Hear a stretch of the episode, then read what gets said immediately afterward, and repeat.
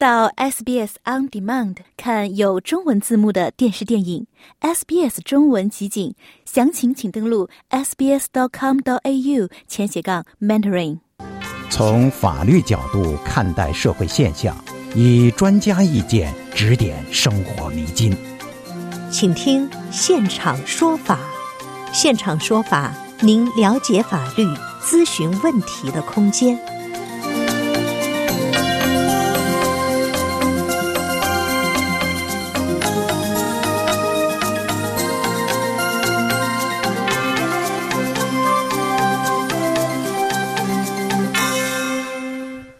听众朋友您好，欢迎您继续收听 SBS 广播中文普通话节目，每周二为您带来的现场说法听众热线节目，我是刘俊杰。现在是农历新年期间哈，我们看到在公历新年期间呢，悉尼一位居民在一家咖啡馆外的车道旁停车的时候呢，收到了数以百数以百元计的罚单哈，他质疑停车标志牌内有误导性，认为收到这个停车罚单呢不合理。在今天上午，也就是现在进行的现场说法听众热线节目中呢，我们邀请摩托车律师事务所首席律师郑伟俊和我们聊一聊停车罚单的话题。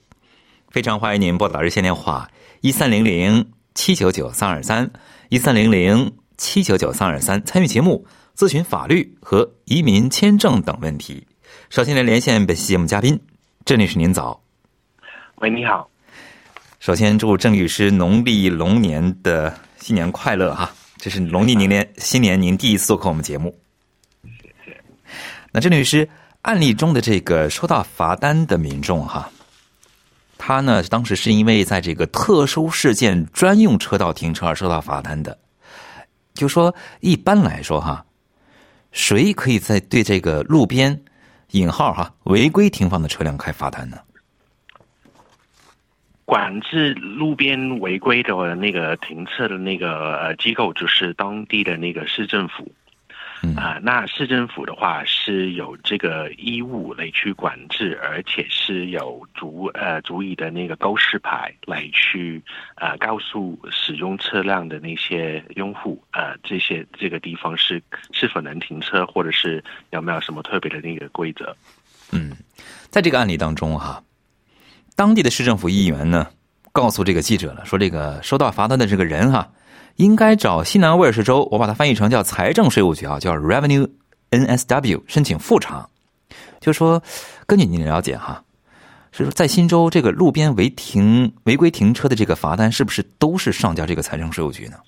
呃，如果是到罚款的这个地步，罚款的这个地步的话，那市政府一般都是会把这个债务转移到这个 Revenue New South Wales 那边去管制。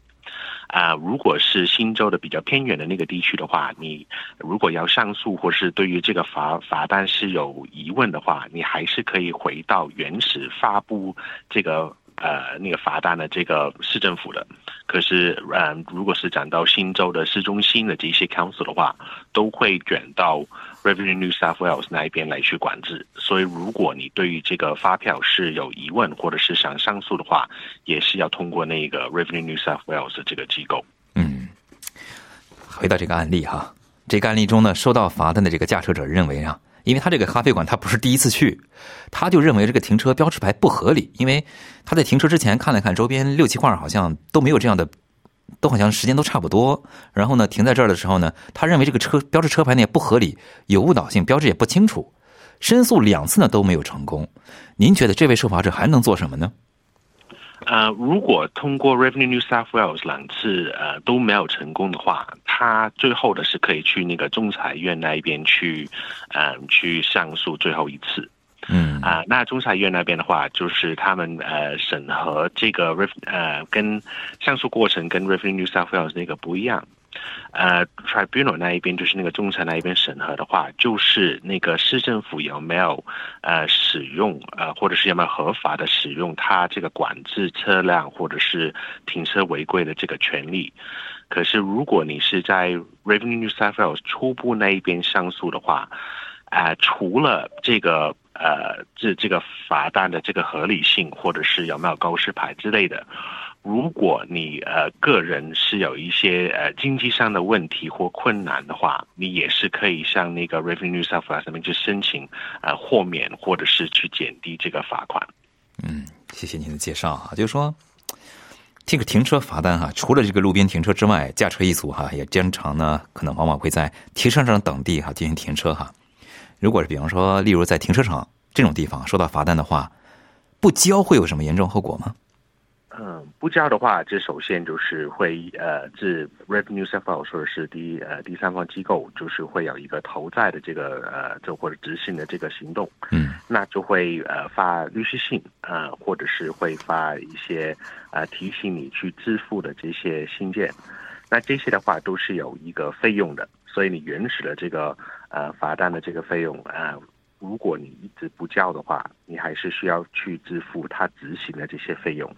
呃，除非你是上诉，不然的话，如果只是晚交的话，那会有这些执行费跟呃律师费。如果是严重的话，啊，那个 Revenue Service 可以把这个债务拿到法院那边，拿到一个判决。拿到那个判决之后，除了那个法院跟律师费之外，他们还是可以拿这个呃法院的那边的那个判决去执行。呃，那呃，比如说他可以拿去，嗯，是呃。派法警过去你家去取走你的个人物品来去拍卖来去支付这些债，那呃这个就是至于说这个债累积了多少钱。嗯，那么这个是就是说新以新州为例，还是新州财政税务局哈，叫 Revenue New South Wales，他们可以这么去做的哈，就是路边停车收到这样的罚单。那如果这个罚单是比方说在一些私营的停车场或者是个人的停车的位置，然后呢他们出具的罚单这种情况呢？呃，私营的停车场的话，这有一些商场的话，它还是会交给那个市政府那边去管制。可是，如果是完全是私营的那些停车场的话，他就是跟你呃，就你进去那个停车场，他就呃，只会说你是跟他有这个合同的这个关系。对，就是你同意进去他的那个停车场的话，就是等于说你同意了他标出来的这些合同上的那些条件，包含到呃停车的费用。如果你违规。或者是超时的话，啊，应该是要付多少钱的那个罚款或赔偿？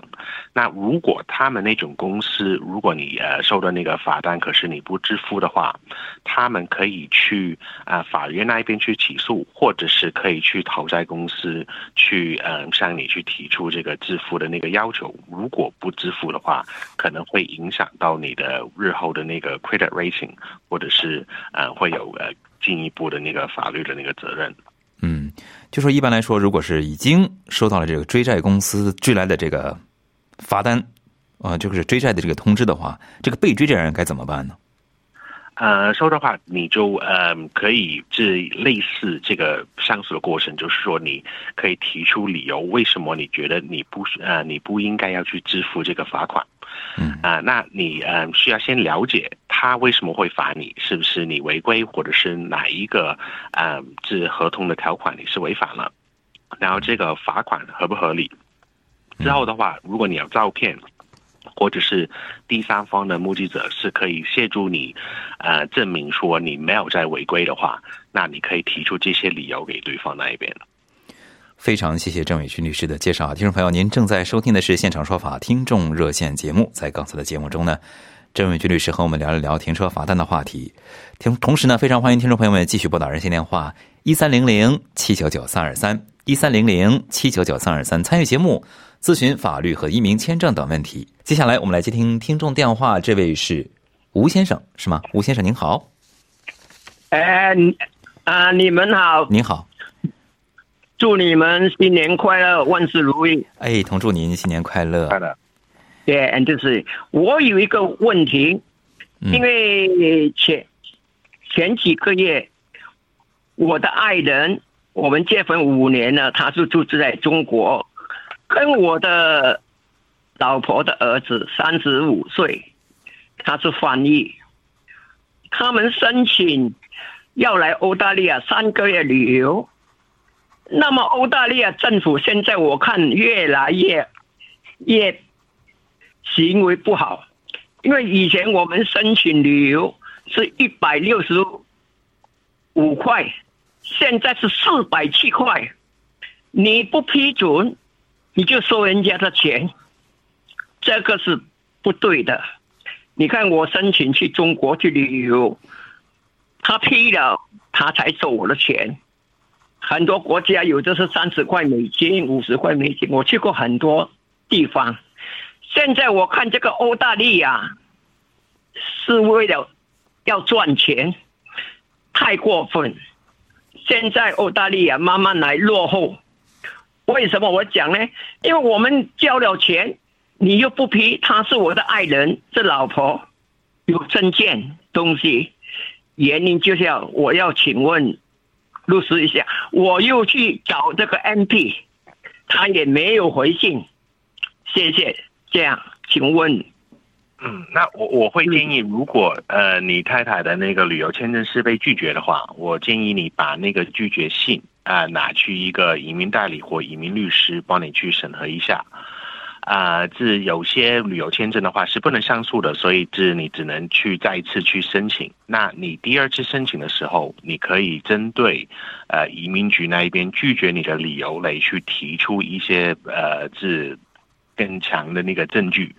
呃，所以就对我会。建议你拿那封信去给移民代理或律师帮你看一下，再次申请一次。如果你之前太太是已经获得澳洲的那个旅游签证的话，那第二次申请应该照理说是比较简单的。可是你要针对他这一次拒绝你的那个理由来去提出一个新的申请或者是更强的证据。嗯，因为这次我问了这个 MB，跟问去他们写信移民局，他没有回复。钱又收去了四百七十，旅游签证，所以我现在我看了这个澳大利亚的政策越来越坏，因为我住在澳大利亚四十二年，现在我去了很多地方没有麻烦，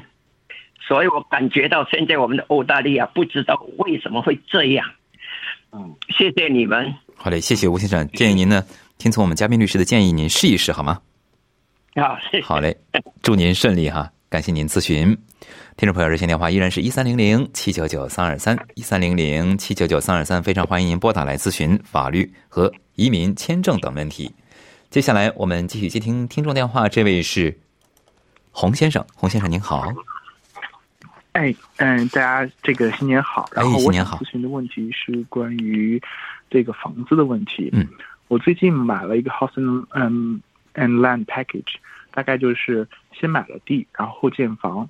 嗯，这个房子以前是一个很大的房子，然后他们把旧房子拆了以后，把地划成了三份，准备建三个连体的 townhouse。然后现在情况是这样的，因为我之前申请贷款出了一些一些问题，然后我家用全款买了地，然后准备这个呃建筑贷做贷款。然后现在的情况是这样的。这个，嗯，我的贷款还在审批，但是我的建筑公司已经在催我了。我就在想，如果我的贷款审批的比较慢，嗯，会不会造成什么影响？比如说有这个罚金啊，或什么之类的，或者是比如说，如果合同上没有规定说我什么时候申请到贷款，那，嗯，建筑公司有没有一些法律的权利让要求我，比如说在几号之前？这个拿到这个贷款审批之类的东西，就是一个建筑公司的权利和我可能承担的后果。如果合同上没有明确规定的话，他们有没有可能？嗯嗯，这个这个主要是看你跟那个建筑商那边签的这个合同了。那这个合同的话，一般来说是不会写说是有一个前提的一个条件，是说你可以贷款，或者是你可以向银行成功的获得一个借款来去支付。所以你主要要关呃要注意的就是按照你那个建筑合同，你需要支付款的这些时间点或者是里程碑是什么时候？如果你是未能去按照他的那个时间点去支付呃部分的那个款项的话。那呃也是要看合同那个罚款会是怎么样，啊，那有可能会有那个罚息，就是你晚支付了，他可以不开始动工或者是暂停动工，然后就是呃收那个利息，啊，或者是如果是呃参与呃参与某一个时间点，或者是他们有发通知给你的话，呃，他们是可以终止这个合同，然后要求你赔偿他呃以来的那些呃是损失，呃，这样子的话，你就是要找新的一个呃 builder 来去帮你继续这个活了。所以主要你这个呃不支付款或者是晚支付款的这个后果，主要是看你跟那个建筑商签的这个合同是怎么写的。嗯，呃，情况我的情况是这样的，就是呃建筑的款项呢，前几期我是呃完全有能力现金支付的，但是嗯、呃建筑商希望就是我把贷款拿到，或者是我把所有的钱都凑齐以后，他才开始动工。他并不想就是边就是施工，然后边在我我这收款，然后他想从动工前就已已经确保我有足够的资金支持所有的这个，嗯，就是每个建筑的 stage。对，嗯。所以对，那这个、嗯这个是不对的，因为嗯、是那个建筑商嗯、除非合同有标注，不然的话，他们有权利要求你证明你是有足够的那个存款来去完成这个呃这个建筑的这个合同，呃，因为你毕竟是按照每一个 stage 来去支付的嘛，所以你只要每一个 stage 没有晚去支付，呃，是准时支付的话，对方那一边是必须要遵守他们那边的义务的。呃，那也你当然是可以跟他沟通说，呃，就是你现在在申请那个呃建筑贷款，可是这个建筑贷款不会逐一给对方那个权利说，呃，他要暂停工作，呃，直到你拿走整笔款为止。呃，因为你毕竟你还是可以从第三方或别的途径去，嗯、去支付他每一个里程碑的那个那呃那个款项嘛。所以，嗯、这晚除非你现在已经是晚付了，不然的话，你可以继续要求这个建筑商帮你去工作的。嗯，好的，律师，我还有最后一个问题，就是，嗯，买房的时候父母赠予了我很多现现金，然后将来我希望，比如说他们，嗯，来澳大利亚生活的时候，我希望把这个，嗯，房子过户给他们，我是一定要放在市场上进行售卖，然后卖给他们，还是我可以不收他们的钱，直接过户给他们？你可以不收他们钱，直接过户给他们。可是，呃，就是你是呃不收钱直接过户的话，呃，你还是需要支付那个印花税。那如果你是没有按照市场价来出售的情况之下，啊、你去申请过户的时候，你还是要去独做一个呃独立的一个市场评估，看这个房子是价值是多少钱，然后你支付印花税的时候，就按照那个评估的那个价格来是支付。嗯，除了印花税以外，还有其他的税费，或者是呃，当然可能会有其他的税费，但基本上就是我现在的一些东西，就是只这种交税就行了，不用有没有什么额外的东西，比如说我父母只是 PR 不是公民。啊、对，如果他们只是 TR 的话，他们是不能不能是那个呃二手呃房的那个所有者的。是 PR 可以吗？呃，PR 的话是可以，可是必须要呃住满两百天，不然的话就是会有很多额外的那些税务。可是对 TR 是不可以的，对。好的，谢谢。好的，谢谢洪先生咨询，祝您顺利。欢迎您继续收听现场说法听众热线节目，热线电话依然是一三零零七九九三二三。做客本期节目的嘉宾是郑伟军律师，您可以拨打热线电话向郑律师咨询法律和移民签证的问题。接下来我们继续接听听众电话，这位是张先生，张先生您好，啊，大家好，新年快乐！新年快乐，您请讲。哎，我是住在这个 housing 里边，有一个人呢常常啊破坏我的车子，那么我可不可以向这个 housing report 啊，他破坏我的车子，但是我没有证据，那么他可不可以考告我是诽谤？那么诽谤这个严不严重呢？呃，如果是呃有人告你诽谤的话，那呃他们呃是民事诉讼，就是他是要自己去法院，不是报警或者什么的来去进行这个法律诉讼了。那诽谤的那个严重性的话，就是嗯、呃金钱赔偿，或者是要你去公开道歉，啊、或者是把一些诽谤的那诽谤的那些呃 po 文把它拿下，啊、所以你说严重的话，呃，可以说不是很严重。可是如果金钱赔偿那一方面呃你的诽谤的那个呃那个破文或者是语言的话，是对对方有一些重大的金钱影响的话，那这些呃是那个诽谤的那个赔偿金额可以呃到很高的一个金额。嗯嗯，那么我我可不可以到法庭说他破坏我的车子呢？我可以这样做吗？嗯，我我记得，嗯、这个听众是有打过几次过来有关这个问题了。那如果 你是觉得说他是有破坏你的车子，或者是呃一直都有破坏你的车子的话，你这是我之前也说过，你可以做一些呃防备，或者是你可以做一些监控的那些动作来去呃采采证据，或者是你可以直接去报警，让警方那一边去帮你去调查。嗯，可是如果你没有证据的话，你你你自己也承认了，你没有证据的情况之下，你都去说他是呃破坏了你那个车子，可是没有实际的证据的话，呃，虽然未必会造成诽谤，可是呃你没有证据的情况之下，这样子说的话，也可能会需要负上一些法律的责任。嗯好，供您参考，好张先生，祝您顺利。听众朋友，热线电话依然是一三零零七九九三二三，欢迎您继续拨打来咨询法律和移民签证问题。接下来这位女士是 C 女士是吗？啊，是的，您好，新年好。哎，C 女士您好，您请讲。哎，我想请教律师，我有一个 unit 租给了租客，然后我收到 Strata 的信说这个租客有他在那个 Vista Parking 说他违停，然后前后的罚单大概有四五张。这个租客现在一直没解决这个违停的那个罚单，一直没有取消。然后我也跟呃跟那个 Strata 说明白了，这个车不是我的。Strata 的意思是回答是说，这个违停的呃罚款呢，一直会挂在 Strata 费用上面，直到那个交为止。如果一直不交，就一直在挂着。那我想请问一下，这个租客如果搬走的话，那这个罚单会怎么样呢？那个呃，如果他搬走的话，那个罚单因为是他使用你这个，呃，是他 他是你的租客的时候引起的。如果那个罚单是有列出他的那个车牌号码，而且这个呃，就是你是能证明到这个车车车辆是你那个租客的话，那你可以试图通过你那个租赁合同来去跟他收取，呃，比如说从他的那个帮金扣啊之类的。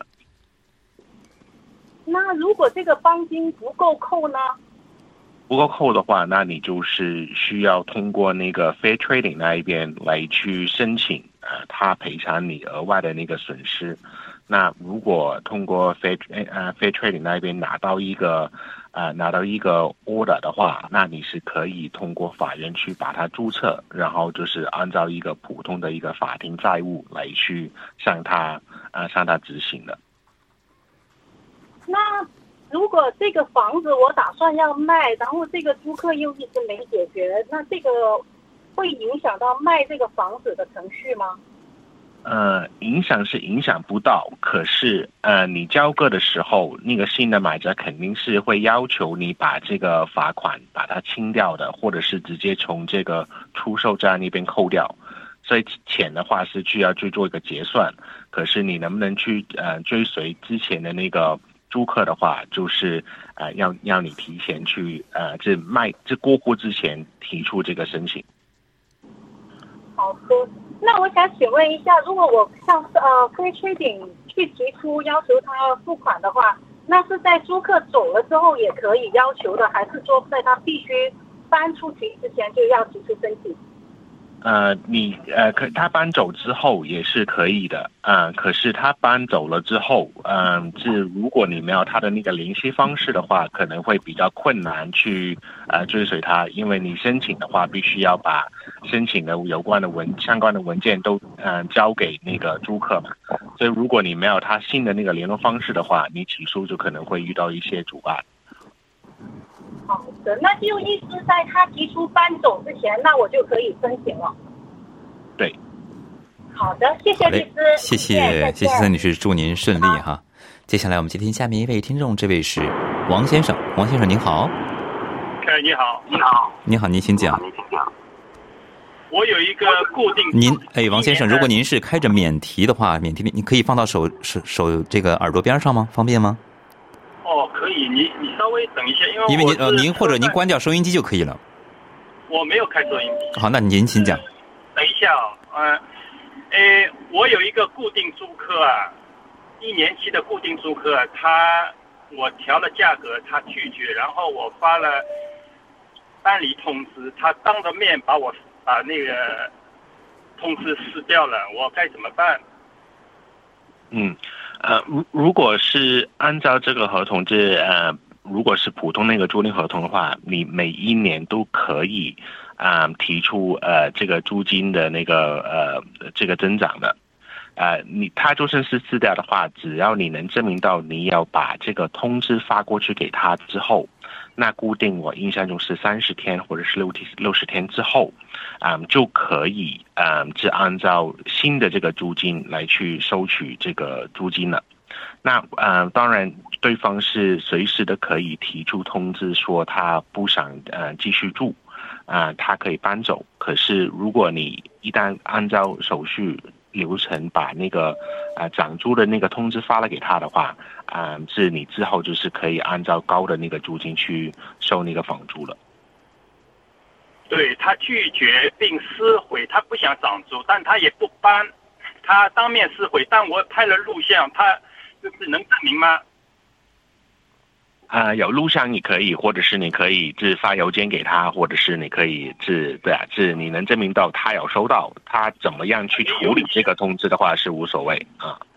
他没有邮件，我用我用微信的，我是用我用不是用那个 message 的形式发给他，可以吗？